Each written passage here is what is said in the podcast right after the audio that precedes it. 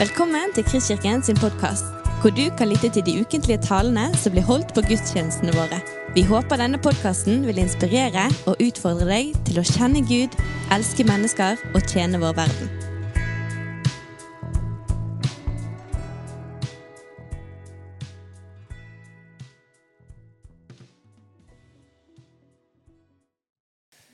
Riktig god søndag til alle sammen, og godt nytt år til alle dem som jeg ikke har fått sagt det til.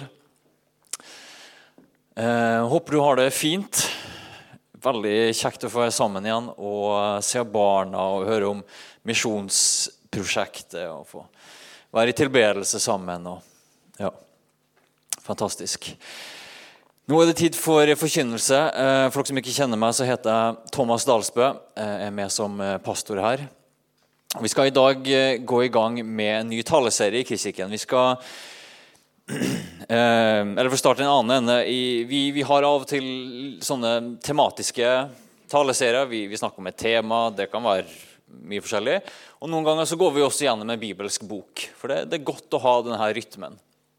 Eh, og nå i begynnelsen av 2023 så skal vi gå gjennom Jakobs brev. Det har du kanskje hørt, eller hvis du ikke har hørt det, så hører du det nå.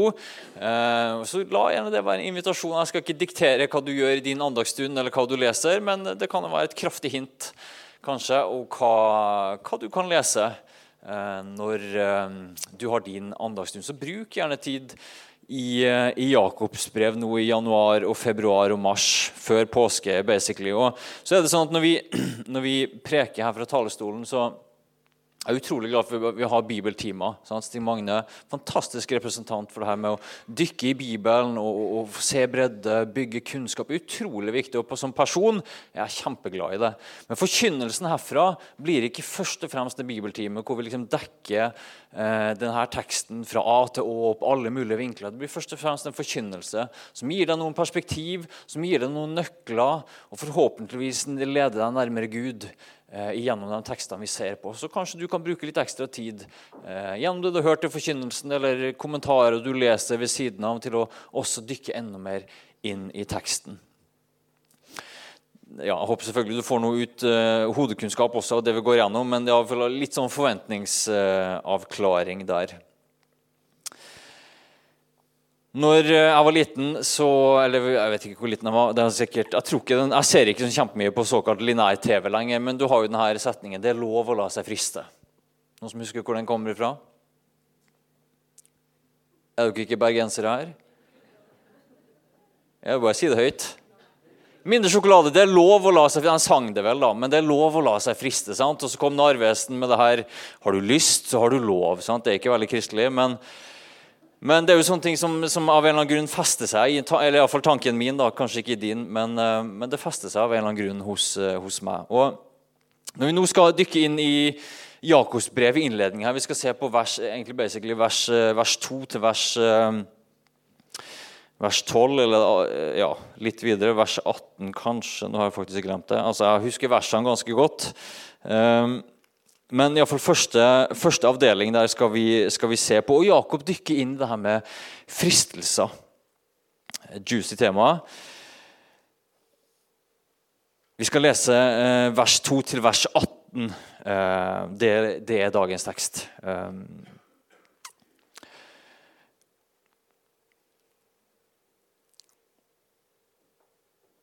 Jeg vet ikke, jeg tror Vi faktisk bare, vi, vi, leser rett og slett med en gang, og så, um, og så er vi i gang. Vi starter i vers 2. Se det bare som en glede, søsken, når dere møter alle slags prøvelser. For dere vet at når troen blir prøvet, skaper det utholdenhet. Men utholdenheten må føre til fullkommen gjerning, så dere kan være fullkomne og hele uten noen mangel. Om noen blant dere mangler visdom, skal han be til Gud, som villig og uten bebreide gir til alle, og han skal få. Men han må be i tro uten å tvile. For den som tviler, ligner en bølge på havet som drives og kastes hit og dit av vinden. Ikke må et slikt menneske vente å få noe av Herren. Splittet som han er og ustø i all sin ferd. En bror som står lavt i rang, skal være stolt av hvor høyt han blir satt. Og en rik mann skal være stolt av hvor lavt han blir satt. For som blomsten i gresset skal han forgå. Solen stiger med sin brennende hete, gresset visner, blomsten faller av, og all dens skjønnhet er borte. På samme måte skal den rike visne midt i alt sitt strev. Salig er det mennesket som holder ut i fristelser, for når han har stått sin prøve, skal han få livets seierskrans, som Gud har lovet dem som elsker ham. Ingen som blir fristet, må si 'det er Gud som frister meg'. For Gud fristes ikke av det onde, og selv frister han ingen. Alle blir fristet av, sitt eget begjær, som lokker og drar. Når lysten er blitt svanger, føder den synd, og når synden er moden, føder den død. La dere ikke føre vill, mine kjære søsken. All god gave og all fullkommen gave kommer ovenfra fra ham som er himmellysenes far. Hos ham er det ingen forandring eller skiftende skygger. Og Av sin egen vilje har han født oss ved sannhetens ord for at vi skal få være en førstegrøde av den han har skapt. Så gode himmelske Far, vi ber deg eh, i all oppriktighet og all enkelthet at du skal åpne ordet for oss og la det føre til liv og til forvandling. I Jesu Kristi navn. Amen. Uh, veldig kort om hvorfor vi uh, tar for oss Jakobs brev. Vi er jo en hvis du ikke vet det, vi er en såkalt luthersk menighet. og, og Luther hadde den kommentaren om Jakobs brev at det var et brev av strå. Han ville egentlig rive det ut og, og ikke ha det med i denne tyske oversettelsen som han produserte av Bibelen. For Han mente at det var mye lov og lite evangelium. Men jeg sa egentlig det var veldig en, et brev som var nyttig til lite. Og i fall Min erfaring, eh, født og oppvokst i kristne sammenhenger, si, så, så, er det lite forkynnelse i hvert fall når jeg liksom prøver å tenke tilbake, eh, som, som jeg har hørt fra Jakobs brev. Og da har det kanskje, iallfall i vår del av kirkelandskapet, fått en litt sånn ja, ja, Vi er nå opptatt av Paulus, vi er ikke så opptatt av Jakob. Men derfor tror jeg det kan være fornuftig også å, å, å titte innom Jakob av og til. Hva er det er, det er jo tross alt i Bibelen, så vi bør jo i fall lese det og utsette oss for det. på en eller annen måte. Og Hva er det Jakob kommer med? Og I grove trekk så blir egentlig Jakob et slags sånn korrektiv eller, eller en motsats mot en sånn eh, misforstått forståelse av Paulus sitt budskap. Der eh, Det kan virke som at noen i Jakobs samtid hevder at nei, så lenge du bare tror, så er du frelst, og du kan oppføre deg akkurat sånn som du vil. Og Det ligger jo ganske nært opp til en utrolig viktig trossannhet om at du er frelst av nåde ved tro alene. Samtidig så, så, virker det som den også har blitt litt misforstått. For bare du har den riktige bekjennelsen eller bare du har den riktige intellektuelle troen, så er alt i orden. Og Her er Jakobs brev et korrektiv, eller kanskje et ubehagelig korrektiv så tror jeg vi går i en felle hvis vi leser Jakob med veldig sånne loviske briller og, og, og føler, altså, som en sånn eh, skikkelig moralist. Eh, hvem er det som vil være moralister sant, i, i, vår tid? Uh, men jeg tror ikke det er verken Guds intensjon eller Jakobs intensjon når han skriver. Men han er kanskje moralist i ordets beste betydning. At han peker på at tro har ikke først og fremst med hva vi intellektuelt slutter oss til, eller tro har ikke først og fremst noe med hva ord vi bruker. Det har først og fremst med hvilken frukt livene våre bærer. Jeg får si det på en annen måte, som, som er vel en eh, setning fra filosofien. Um, ikke vær så opptatt av å prate om filosofien din, men lev den ut. Det er Jakobs utfordring til oss. Ikke ha, det her kommer når du leser ut ved brevet, sant, å ikke ha en død tro, men å ha en levende tro.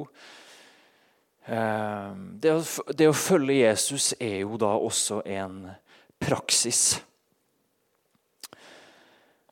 Og der kommer vi. Eh, ja, og, altså, og, og, så er det interessant sånn, I kirkehistorien så har man debattert litt hvem er forfatteren og ikke forfatteren osv. Det er gode ting som, Selv om de lærde strides, så er det gode, gode ting som tyder på at det her antageligvis var Jesu bror som skrev det her brevet. Og en interessant ting med brevet er at det, navnet Jesus nevnes nesten ikke i det hele tatt. Og Da kan du tenke hvordan i alle dager skal vi preke derfra? Men hvis du ser på innholdet i brevet, så ligger det utrolig nært opp til den undervisningen vi finner fra Jesus i evangeliene. Kanskje spesielt eh, bergprekenen.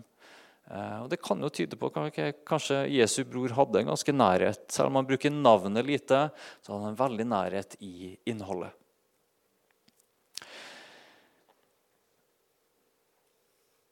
Ok, Jakob eh, starter innledningen av brevet med å ta oss til det her ordet om prøvelser og fristelser. Hele Jakobs brev er opptatt av alle de her problemene som oppstår en, der en gruppe med mennesker eller i dette tilfellet en forsamling er, er samla. Så oppstår det problem. Det er, for å bruke språkdrakten herfra, det er ufred, det er splittelse, det er favorisering mellom rike og fattige, det er baktalelse, det er egoisme. Og Hvor kommer det her ifra? Og Jakob er utrolig pragmatisk. Han er opptatt av det praktiske. Han har veldig lite om, eh, om dogmatikk og troslære og abstrakte konsept, og veldig mye om praktisk liv. Og hvorfor er det sånn iblant dere liksom, Du kan høre Jakob under her. Hvorfor er det sånn iblant dere at det er så mye ufred og, og splittelse osv.? Så, videre, og så, videre. så går han i stedet for å ha en lang teoretisk utleggelse om hvor det her kommer fra, så går han bare rett i gang med å snakke om prøvelser og fristelser. Han går rett til roten av problemet. Og I vers 2 så leser vi om at man skal se det som en glede når man møter alle slags prøvelser. Og i vers 12 eh, så står det at salig er det mennesket som holder ut i fristelser. Dette ordet som i vers 2 står prøvelser, og i vers 12 står fristelser, er egentlig det samme ordet på grunnteksten. Av og til så gjør man en veldig sånn tydelig skille, med at i det første instansen så handler det om en sånn ytre prøvelse, og i den siste instans så handler det om en sånn indre prøvelse. Men jeg tror vi gjør riktig iallfall um, ehm, så langt jeg kan se, og, og se dem mer sånn i flytende sammenheng. Eh, og Hvis du ser hva Jakob er opptatt av i brevet, resten av brevet, så er det i stor grad den her, ikke først og fremst den her ytre forfølgelsen eller kampen, som de helt sikkert sto i også, men Jakob er veldig opptatt av en del av den her indre kampen som vi møter. Eh, prøvelser, fristelser, som, som er den her menneskelige erfaringen av rett og slett være menneske. Vi dras hit og dit. Hvis du trodde at du var et rasjonelt menneske eller Det har man jo eh, hvis du leser historie, iallfall trodd i en del epoker i historien. Da har det gått veldig galt. Eh, for å si det sånn. Men nyere forskning eh, det er alltid litt spennende ord å bruke det, men, men viser jo at mennesker er ikke rasjonelle. Vi tenker at vi, at, at vi gjør noe, at vi, vi, vi, tenker logisk på en ting. Vi har et mål, så tar vi logiske steg for å komme dit. og så er det derfor vi gjør det. Men så viser de som forsker på det her, at vi er i stor grad drevet av indre impulser, av følelser, av uh, fordommer ting i oss som man kanskje vil knytte til underbevisstheten, som vi i liten grad har kontroll over, men som styrer oss i stor grad. Og hvis du dykker inn i markedsføring, hvilke, hvilke mm, fargebruk har man i reklame? Hvorfor bruker man aktivt språk istedenfor passivt språk? Hvorfor er det alltid den fineste dama som er på plakaten, osv.? I grep i markedsføring så er det nettopp fordi at markedsføringen vet akkurat det her. Du og jeg drives ikke til en handling først og fremst fordi vi er overbevist intellektuelt, men vi drives av våre indre lyster, vårt indre begjær, våre indre drivkrefter. Og Det er noe av det som Jakob dykker rett inn i. Og Hvor kommer de her indre Jakob kaller det begjæret, de her indre drivkreftene, de her indre lystene som, som ethvert menneske, som er den menneskelige erfaringen, hvor kommer det ifra. Jakob sier igjen at, eh, i slutten av vår tekst at det kommer fra vårt indre begjær. og Her er han ganske enig med broren sin, hvis vi holder fast at det var eh, han som skrev eh, Jakob. Jakob sier alle blir fristet av sitt eget begjær, som lokker og drar. I Jakob 4 så skriver han hvor kommer all striden og spliden hos dere fra? Er det ikke fra lystne som fører krig i lemmene deres? Og så kan vi lese i Markus 7 at Jesus sier følgende For innenfra fra menneskehjertet kommer de onde tankene. Hor, tyveri, mord, ekteskapsbrudd, grådighet, ondskap, svik, utskeielser, misunnelige øyne, spott, hovmod, vettløshet. Alt dette onde kommer innenfra og gjør mennesket urent. Derfor er Jakob veldig opptatt av å snakke. Han er på en måte opptatt av å definere hva er den menneskelige naturen. Og Dette er egentlig fantastiske nøkler for å ha det man på fint kaller et kristent verdensbilde, eller å tenke kristent. Okay, man starter med en sånn grunnleggende. Hva er den menneskelige, menneskelige naturen? Og Jakob etablere det med en gang.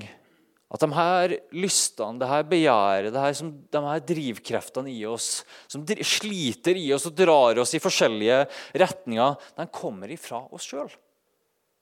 Det er noe i oss som sliter i oss, og som har potensial til å dra oss vekk ifra Gud og til å volde eh, ødeleggelse også for oss sjøl og for våre medmennesker. Og Jakob er utrolig påpasselig på å plassere det inni oss. Den kommer ikke ifra Gud. Det er akkurat som at Jakob bruker det, det begrepet når han sier jo blant annet at vi skal, vi skal, komme tilbake til det, men vi skal be om visdom. Men den som tviler, må ikke tenke om at han skal få noe, for han er, han er splitta i sitt indre og, og, og er som en, en, en, bølge på havet. og så og dette bildet er egentlig et ganske godt bilde, at Vi mennesker vi, vi har en eller annen tilstand der vårt indre er splitta på en eller annen måte. Det er fragmentert på en eller annen måte. Der det virker som at det er Guds vilje å føre oss mot en enhet og mot en helhet i vårt indre, så beskriver Jakob noen av at vi er splitta. Vi er delt. Jesus sier noe av det samme når han utfordrer fariserene på hvor lojaliteten deres ligger. Tjener de Gud, eller tjener de mammon? Hvis de har et delt indre, så kan de ikke tjene Gud. Og Da har vi derfor da det som drar oss mot vårt ego, som drar oss inn i ja, egoisme, selvbevissthet, selvoverlevelse, selvsentrerthet. Men vi har også det i oss som drar oss mot Gud.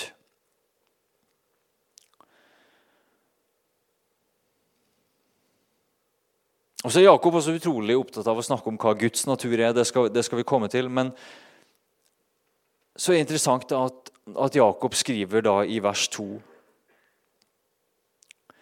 at når vi opplever de her prøvelsene, de her fristelsene, hva det nå enn er, som river og sliter i oss Eller la meg si én ting først, forresten. For jeg tror at det har skjedd en del eh, jeg tror det skjer en del hva skal jeg kalle, psykologisk skade. Nå ble jeg veldig alvorlig her, du får beholde ut.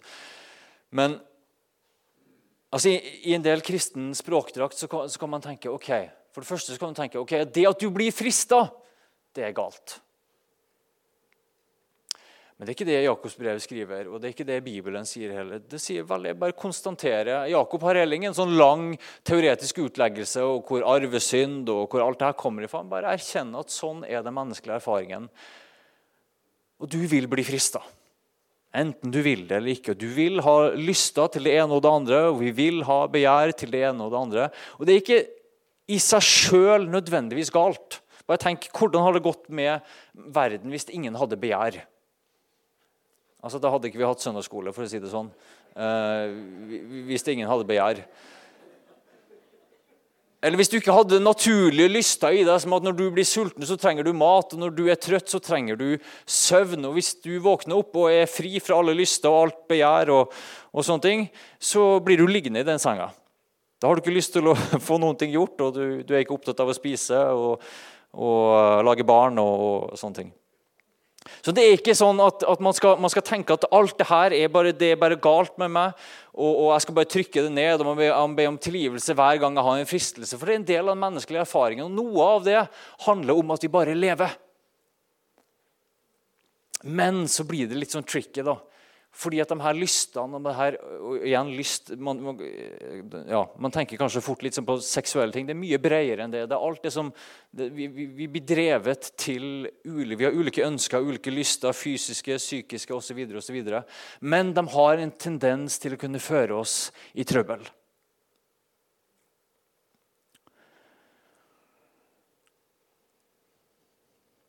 Men da er det interessant at Jakob skriver når du blir prøva, og du blir frista Eller jeg kan si meg sjøl, du blir jo ikke det.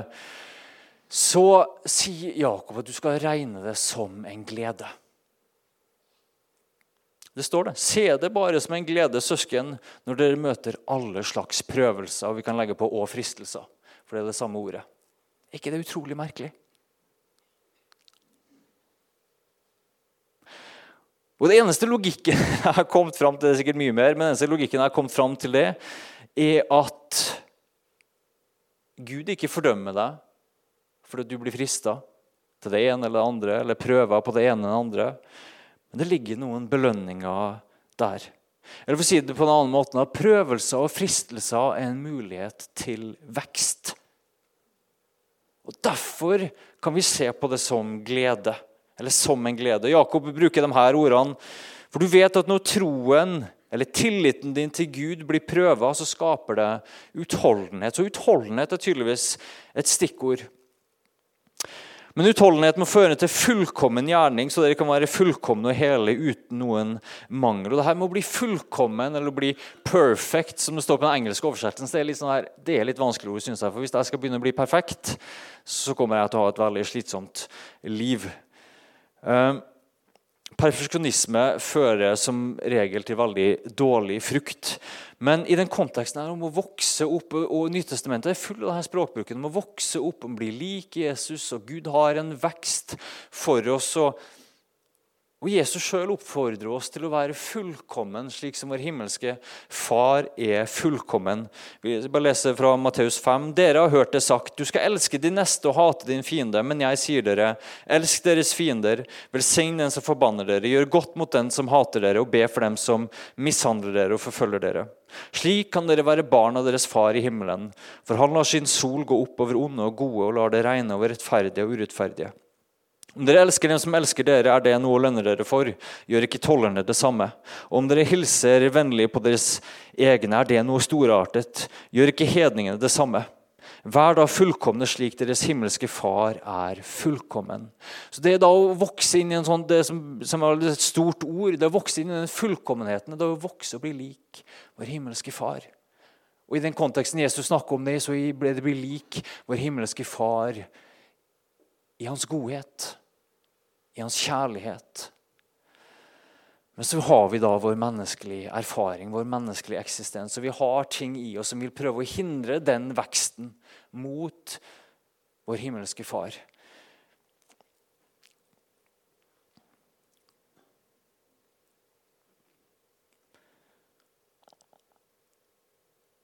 Og så tror jeg Jakob gir oss noen tips faktisk ganske noen praktiske tips om hvordan vi kan håndtere denne litt sånn halvveissituasjonen. Vi dras mot Gud, og vi sliter samtidig i andre enden. Og Når jeg sa at, at fristelsen kan bli en, en glede, eller si Jakob sier at fristelsen og prøvelsen kan bli en glede, at du kan slippe å tenke at når du blir frista eller du blir prøva eller det er vanskelig, at du skal først og fremst tenke fordømmelse eller sorg, men du kan snu på det og tenke det. Ja, det her er en glede. Ja, det her er en mulighet for vekst. Så tror jeg litt av grunnen er det for at når prøvelsen kommer og Jakob er kjempetydelig på det, det kommer innifra oss sjøl. Det er ikke Gud som frister oss. Det, stiger opp ifra vårt indre. Men hva er det som skjer da? Jeg og du får et mer sant bilde av hvem vi er. Ikke for at vi skal fordømme oss sjøl, men for at vi skal se klarere. Det blir faktisk noe av gleden. At Når fristelsen kommer opp, når jeg blir frista til å nok en gang reagere i sinne på barna mine, som jeg selvfølgelig aldri gjør, eller når jeg blir, blir frista til å bruke mer tid på bøkene mine enn på min kone, eller når jeg blir frista til å se nok en serie på Netflix, selv om jeg kanskje egentlig burde ha sittet og, og bedt um, så kan jeg se på det som en glede. For at Når den fristelsen kommer opp, så trenger jeg ikke å trykke det ned. Jeg trenger ikke å late som det ikke er der. Jeg trenger ikke å tenke at Gud nå fordømmer meg. Jeg kan helt enkelt erkjenne det. Ja, jeg blir frista. Ja, jeg har det her som river og sliter i meg. Og jeg kan erkjenne det. Og da blir det en mulighet for vekst. Hvis du skal til Oslo Nå er det ingen bergensere som selvfølgelig skal til Oslo, men hvis du skal dit, du skal planlegge ruten din dit, så må du vite hvor du er. I militæret så brukte vi masse tid på å ta ut sånne elendige kompasskurs. Og noe det vi lærte var at vi Først måtte du finne hvor på kartet er du. Du må ha en god forståelse av hvor du er. Eller for å bruke igjen filosofien 'kjenn deg selv'. Hvis vi lever med masse illusjoner, at vi tror at vi er så og så gode og så og så bra, og det stemmer ikke med virkeligheten, så greier ikke vi å vokse. Vi greier ikke å ta gode valg. Men når fristelsene og prøvelsene kommer, så er det en nåde, det er en glede i det. For det avdekker igjen, da, nå gjentar jeg dem selv, men det avdekker hvem vi er. Det viser oss et mer sant bilde av hvem vi er. Det gjør oss litt ydmyke, men det gir oss, det gir oss mer sannhet. Og det viser oss at vi trenger kanskje at noe forandres inni oss. Det viser oss at vi kanskje ikke har kommet helt i mål. Og Det viser oss at kanskje Gud må gjøre noe i oss. Og Der blir denne broen for hvorfor vi kan se på det som en glede. Iallfall en av dem. En glede når vi møter prøvelser og fristelser. For da vet du mer av hvem du er. Og sånn som noen har sagt, det du, det du er bevisst, det kan du gjøre noe med. Det du ikke er bevisst, da drives du og slites du hit og dit og kan ikke gjøre noe med det. Så det er nåde ifra Gud at det her kommer opp og frister oss og drar i oss. Men da er Jakobs utfordring til oss nummer én at vi må ha utholdenhet. At vi må holde ut, for vi mennesker vi er, igjen, vi er ikke rasjonelle. Vi har denne fantastiske evnen til å velge ting som ikke er godt for oss. Klart, Nå har jo du selvfølgelig nyttårsforsett, og du har jo starta i januar kjempebra. og sånn. Men hvis du er sånn som meg, så vet du at uansett hvor mye du vet at det er bra å dra på det treningssenteret, så er det ikke en direkte kobling mellom at du intellektuelt vet hvor bra det er, og det at skrotten beveger seg og begynner å løfte tyngre enn den gjorde forrige uke. Det er ikke det samme. Vi har en fantastisk evne til å velge det som ikke er bra for oss. Men igjen, Jakob prøver å være konkret. Han kommer opp. Vi må ha utholdenhet. At når det river og sliter i oss OK, trenger jeg å handle på det? Må jeg handle på det? Ifølge, ifølge psykologene eller hjerneforskerne kan det, så hvis du utsetter sjokoladekurven i 15 minutter, 15 minutter så skal visst fristelsen være over. Da. Det kan være et praktisk tips. Uh, det er ikke sikkert det er anvendelig på så mye mer enn sjokoladekurven, da, men uh, likevel. Men utholdenhet at vi er villige til å stå. Og merk at Utholdenhet er ikke det samme som perfeksjon. Utholdenhet er også å reise seg igjen. Gang etter gang etter gang når man har falt. Det er også utholdenhet. Det er å fortsette.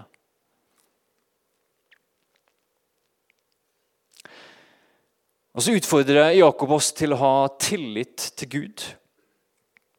Jakob snakker ikke bare Eh, nå begynner tiden min å gå ut, men Jakob snakker ikke bare om den menneskelige, menneskelige naturen. Jakob etablerer så sylskarpt også hva som er Guds natur. Når han sier om det at Hvis noen mangler visdom, så skal han be til Gud, så sier han at Gud er en sånn person, i den grad vi kaller Gud en person, som villig og uten å bebreide gir til alle. Og Lenger nede så står det om Gud at all god gave og all fullkommen gave kommer ovenfra, fra ham som er himmellysenes far. Gud er god. Han vil oss det beste. Og når det er Guds mål for oss som vi leser mange andre steder i Det nye testamentet, at vi skal få komme inn i relasjon med Gud. Ikke bare inn i relasjon, men han vil dra oss inn i en vekst. Han vil dra oss til å bli lik han sjøl. Ikke fordi Gud har funnet på at det er et slags sånn fint mål, men fordi det er vi skapt til å være. Akkurat som et frø er skapt ikke til å være et frø, men til å vokse opp og til å bli en fantastisk stor plante. Noe som er egentlig ganske ulikt det her frøet. Så er kallet, iallfall Nytestamentet forklarer det sånn at kallet vårt er å vokse opp og ligne på Gud, bli lik Hans sønns bilde. Og Derfor er fristelser og prøvelser en invitasjon til vekst. Og det blir en bro mellom vår natur og Guds natur.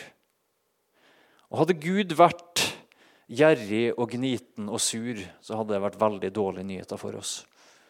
For da hadde vi vært etterlatt da, med vår menneskelige tilstand. Men Guds natur er uforanderlig godhet. Hos Han er det ingen forandring eller skiftende skygge. Så da kan vi stole på at når Gud inviterer oss med på en vekstreise i relasjon til Han og i tro, så kommer Han opp på siden av oss. Han kommer helt tett. Og Løftet fra Jakobs brev er da at hvis du mangler noe, så skal du be til Gud. Han som villig gir alt det som vi måtte trenge på denne vandringen. Og Du skal få stole på at han er god, Og at han vil meg og deg det aller, aller, aller beste. Derfor utfordrer Jakob oss til å stole på at Gud er aktivt til stede i vårt liv. Stole på at han alltid vil og søker vårt beste. Men denne tilliten til Gud den testes. Vi drives hit og dit. Og når den testes, og når vi merker det, så utfordrer Jakob oss til å ha utholdenhet. Velg å bli stående. Velg å fokusere på Gud. Erkjenn problemet, men hold ut. For å holde ut er en måte å samarbeide med Gud på. Det er en måte å invitere han inn. og jeg har lyst til å klikke på kollegaen min Nå jeg jo, jobber jeg i kirke, da, så jeg, har jo bare hellige kollegaer. Men, men igjen, sant, når du blir fristet til å klikke på kollegaen din, så hold ut. Du hadde helt sikkert en god grunn for å bli sint, og den skal ikke nødvendigvis trykke ned, men hold ut. Og inviter Gud med inn i samarbeidet. Og kanskje det blir en bro til vekst. Utholdenheten jeg liker å se på det sånn, den utvider oss. Den, den, utvider vår indre kapasitet og vårt hjerte til å romme mer av Gud. Og det siste, men vi trenger også visdom. Og det her er jo det konkrete. Jeg har av og til tenkt på det her verset som er liksom, ok, visdom er en sånn abstrakt uh, greie som jeg av og til sikkert har bruk for. Ehm, men senere i brevet så snakker Jakob om denne visdommen. Og når du leser, jeg skal ikke ta det nå, men når du leser det, så, så står det at denne visdommen som kommer fra Gud, som kommer ovenfra, som ikke er jordisk, men som kommer fra Gud, den er først og fremst ren. Eh, den søker det beste. Den er hellig. Og den er ganske sånn praktisk. Og Når Jakob utfordrer oss til å be om visdom, så er det akkurat i denne konteksten med prøvelser og fristelser. Ikke for at du liksom abstrakt skal forstå så mye mer, men visdom i hvordan jeg og du navigerer. Vi har vår menneskelige natur, alle sammen. Gud inviterer oss til å bli mer lik han, og Han vil komme opp på siden av oss og bli med oss på den vekstreisen. Men hvis de da er drevet av en sånn menneskelig visdom, som er selvsentrert, som ja, overser andre, som ikke er opptatt av nestekjærlighet osv., og så, videre, så trenger vi en annen type visdom. Den visdommen som kommer ifra Gud, og som Gud ber oss om å be om. All god gave, all fullkommen gave, kommer ovenfra for ham som er himmellysenes far. Hos ham er det ingen forandring eller skiftende skygge. Og av sin egen vilje har han født oss ved sannhetens ord, for at vi skal være en førstegrøde av dem han har skapt. Så enten det skjer eh, noe etterpå, eller det har skjedd underveis, eller det skjer til uken, eller sånt, når du blir prøva eller frista i troen din Uansett hva det er, så se på det som en glede. Fordi det er en invitasjon til vekst. Og vite at Gud kommer opp på siden av deg og vil gi deg alt det du mangler. Å møte med tillit til at Gud er god, at han vil deg ditt beste, med utholdenhet og med å be om visdom. I Jesu navn. Amen. Du har lyttet til en podkast fra Kristkirken i Bergen. Vi håper du har blitt inspirert og utfordret i din vandring med Gud. Vil du vite mer om oss, så klikk deg inn på kristkirken.no.